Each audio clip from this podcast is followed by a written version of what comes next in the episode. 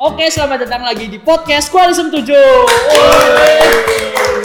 Nah, semangat banget nih membawa angin segar nih karena aku bakal ngobrol-ngobrol santai bareng universitas yang sering disebut-sebut Universitas Gudang Mantu. Apalagi kalau bukan UGM nih. Dan lagi nih, UGM tuh udah jadi favoritnya anak semada buat masuk ke UGM. Tahun ini aja tuh ada banyak banget yang masuk UGM. Tahun semada 20, semada 19 juga. Nah, udah bareng kita nih. Ada Pugu Fitri Satriatama dari Psikologi UGM 2020. Halo semuanya. Wes mantap tuh. Suaranya aja khas gitu kan ya. Ada juga Kak Dedi Saputro dari Teknik Fisika UGM 19.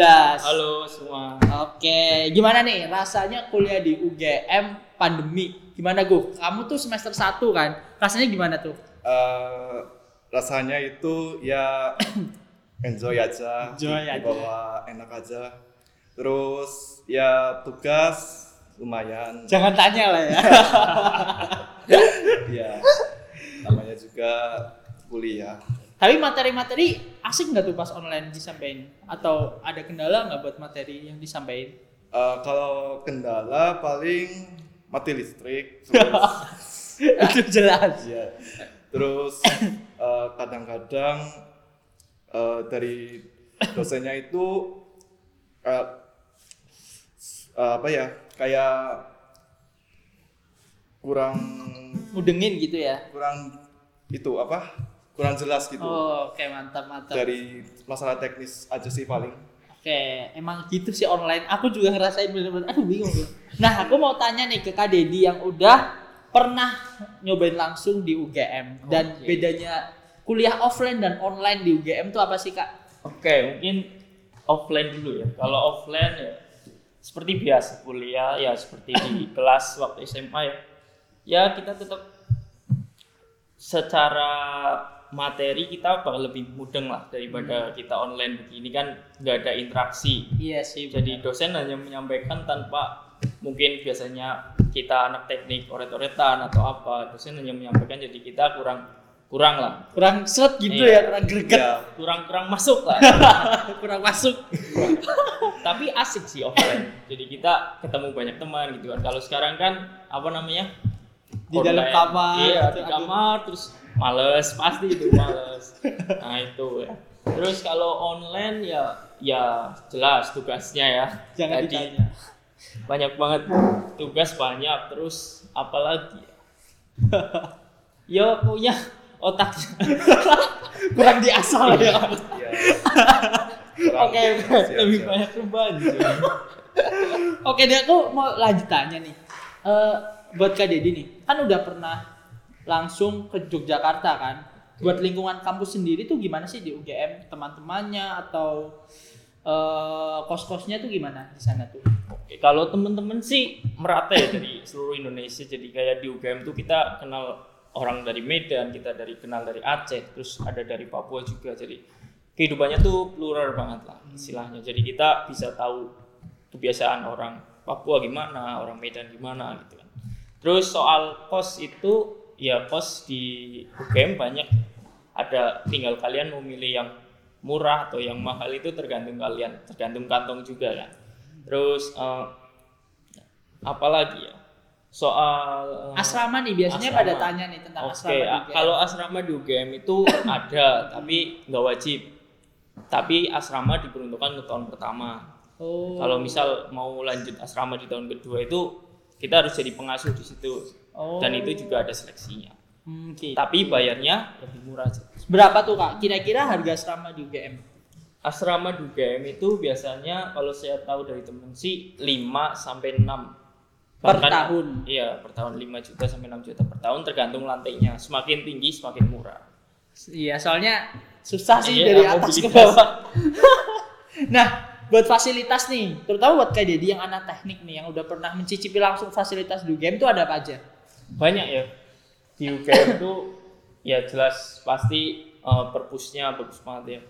Kebanyakan mahasiswa itu ngadem di kampus pasti di perpus yang itu. Terus juga ada Toyagama. Kita anak UGM itu air tidak perlu apa namanya Susah-susah Iya, mencari lah ya. susah-susah di UGM pasti ada itu setiap eh, di setiap prodi itu pasti ada tuh agama itu jadi kita dari rumah bawa botol kosong ya apa namanya mengurangi uh, sampah plastik lah istilahnya gitu. Terus juga ada kita dari DSSDI itu yang tentang uh, jaringan gitu. Kita juga ada WiFi jelas ya cepet.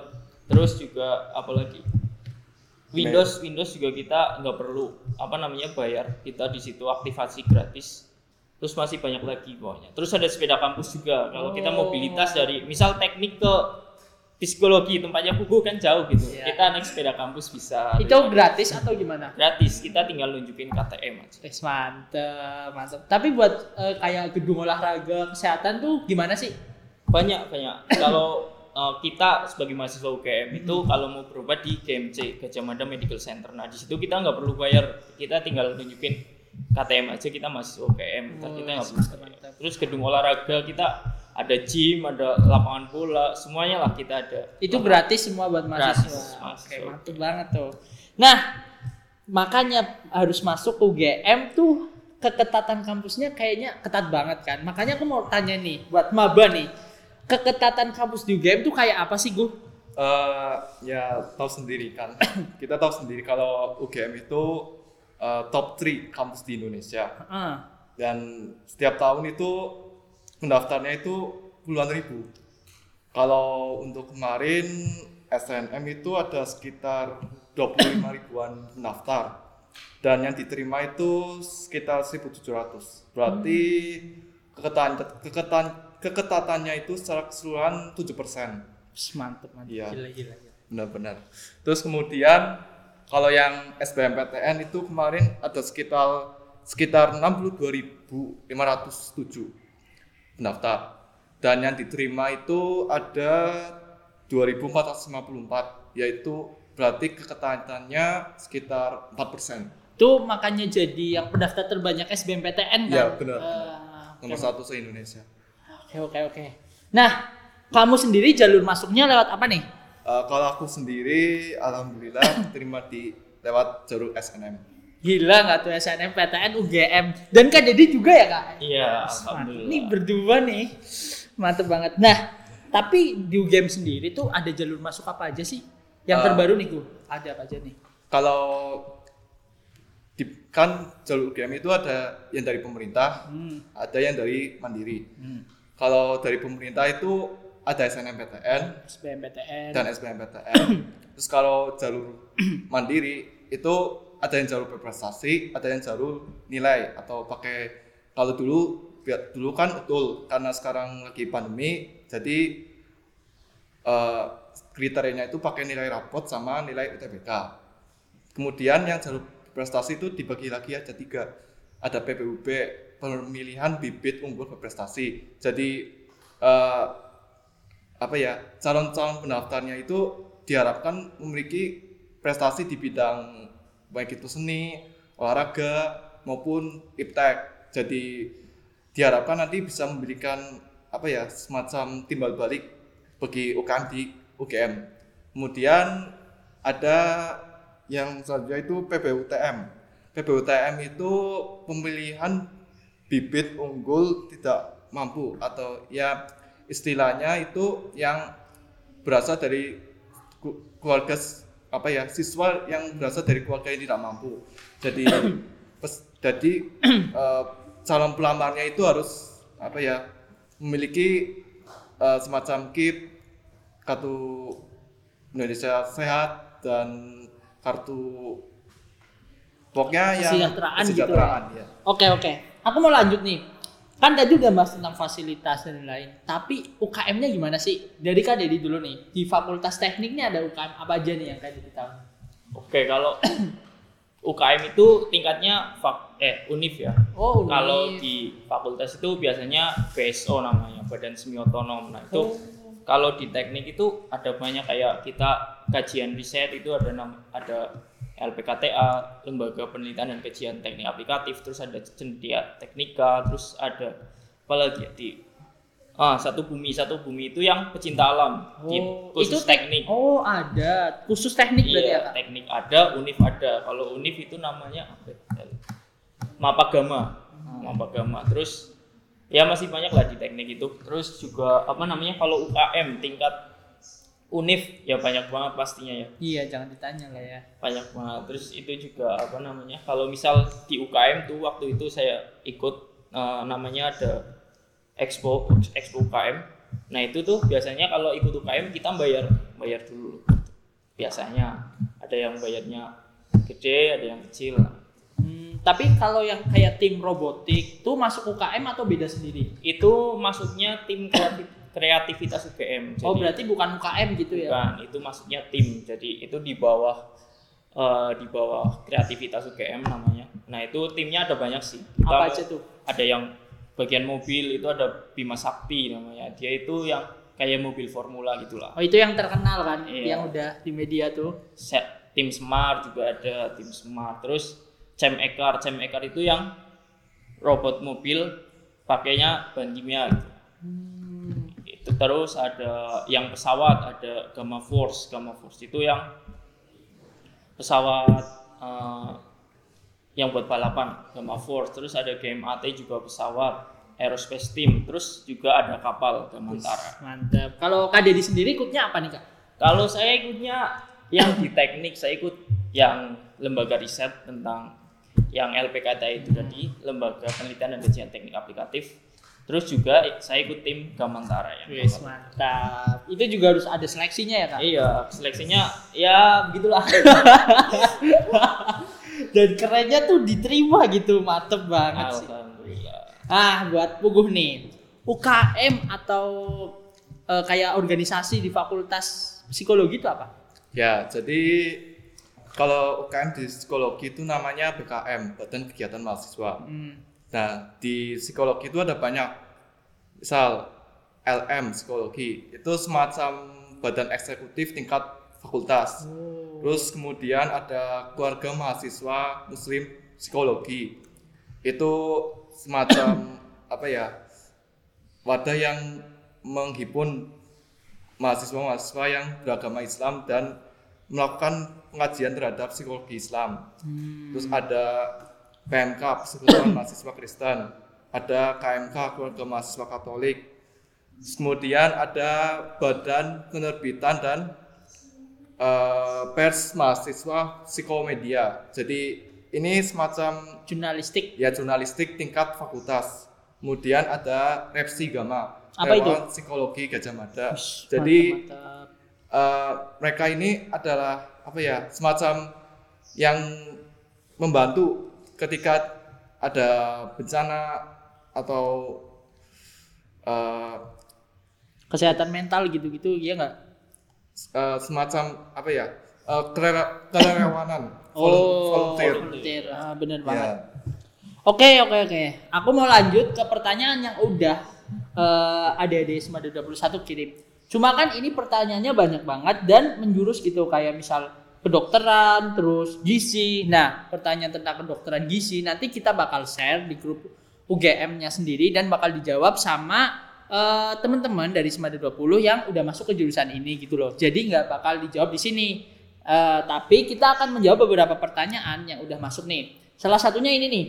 Kak, rata-rata nilai SNMPTN buat masuk ke UGM berapa? Mumpung nih ada yang sosum, ada yang saintek. Dari Kak Dedi dulu deh. Dulu berapa, Kak? Oke, kalau saya sih dari kalau di rata-rata dari semester 1 kira-kira 90,3 kayaknya. 90,3. Iya. Itu teknik fisika. ya, kalau saya Hmm, di tahun 2019. Kalau Puguh nih yang terbaru berapa, Puguh? Eh, kalau aku dari semester 1 sampai semester 5 rata-ratanya aku alhamdulillah dapat 93. Ya, 93. Itu- eh, kira-kira kalau amannya di UGM 9 ke atas lah. Hmm. Kira-kira. Oke, oke. Aku mau tanya nih. Kak, di UGM itu ada jurusan tata boga nggak sih, Kak? Ah, mungkin aku boleh jawab ya. Kalau di UGM nggak ada, nggak ada tata boga. UNY ada. UNJ ya. Ada. Lanjut lagi nih.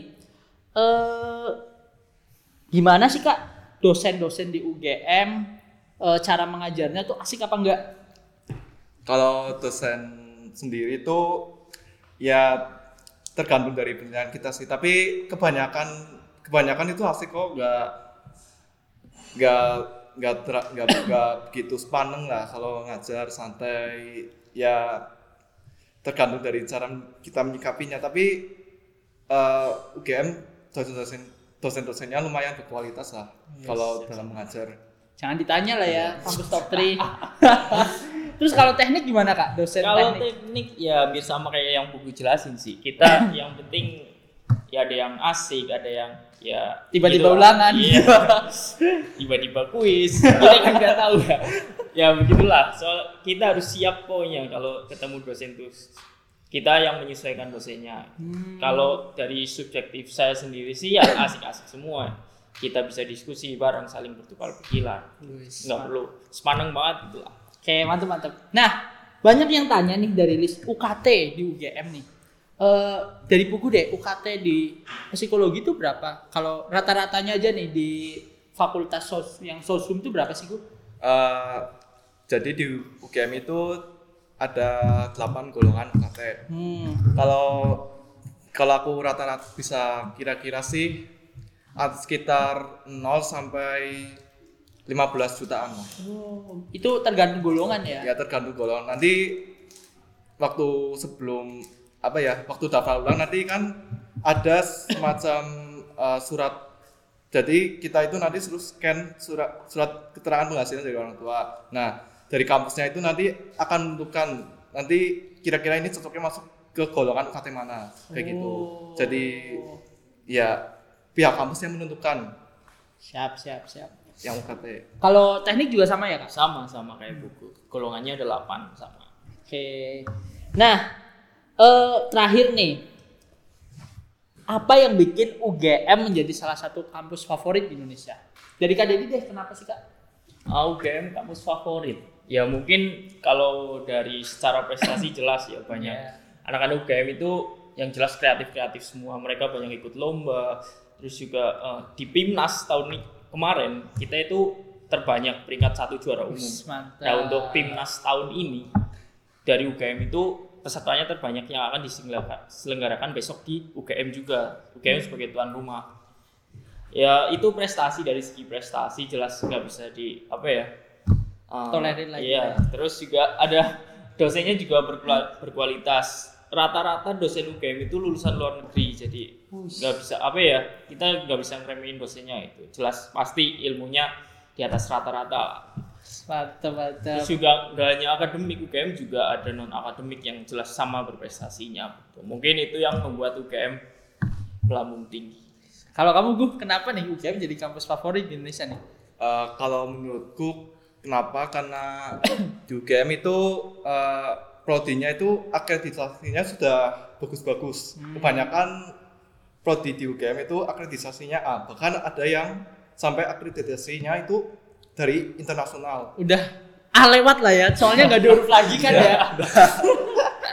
Terus juga kalau misal kita lulus dari UGM terus daftar kerja mungkin para pela, Perusahaan. rekruternya itu uh, apa ya kayak lebih mem, apa Milih mem- gitu. mem- mempertimbangkan Prioritas. memprioritaskan dari uh, alumni UGM. Oke, mantap. Menurut saya seperti itu. Oke, udah sayang banget nih. Kita udah sampai sesi terakhir podcast bareng Universitas Gajah Mada.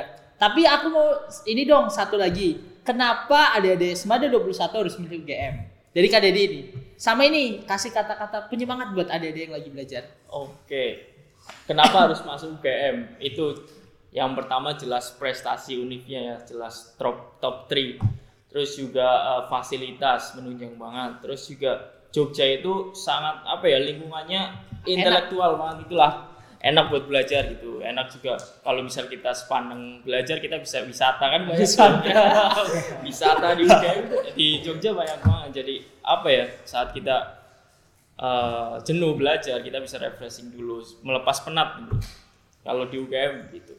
Eh, kasih kata-kata motivasi nih. Oke kata semangat ya. Untuk adik-adik kelas 12 mungkin sekarang saatnya kalian belajar gitu ya. Eh, belajar meraih apa yang kalian inginkan Eh, targetkan apa yang kalian mau dari sekarang eh, agar kalian bisa mencapai target yang kalian inginkan dan intinya kalian harus belajar berdoa dan yang terpenting restu orang tua Wes siap. Oke, aku ikut termotivasi juga nih. Lah, Puguh nih, kenapa adik-adik Semada 21 harus milih Universitas Gajah Mada? Eh, buat adik-adik dan teman-teman yang ingin mencari pengalaman baru, ingin mencari eh, banyak relasi, bisa masuk UGM. Karena di UGM itu tidak hanya dari Jawa, ada dari Sumatera, Kalimantan, sampai Papua juga ada. Dan bagi teman-teman yang ingin merasakan bagaimana rasanya menjadi anak rantau, bisa masuk UGM. Karena Siap, siap. Oke. ya, untuk melatih kemandirian seperti itu. Mantap. Kasih kata-kata motivasi dong yang buat teman-teman lagi belajar nih. Ya, untuk teman-teman semuanya tetap semangat eh, dan jangan lupa berdoa. Kemudian mm, tetap jaga motivasinya hingga hingga seleksi pendaftaran nanti. Semoga teman-teman mendapatkan apa yang teman-teman cita- cita-citakan. Oke, mantep banget. Podcast kali ini mantep banget bareng Universitas Gajah Mada. Nah, buat adik-adik Semada 21 harus tetap semangat nih sesuai pesan dari Kak Dedi dan juga Mas Puguh nih. Nah, oke, sampai jumpa di podcast selanjutnya. Tetap semangat dan harus rajin-rajin berdoa. Oke, sampai jumpa di podcast selanjutnya.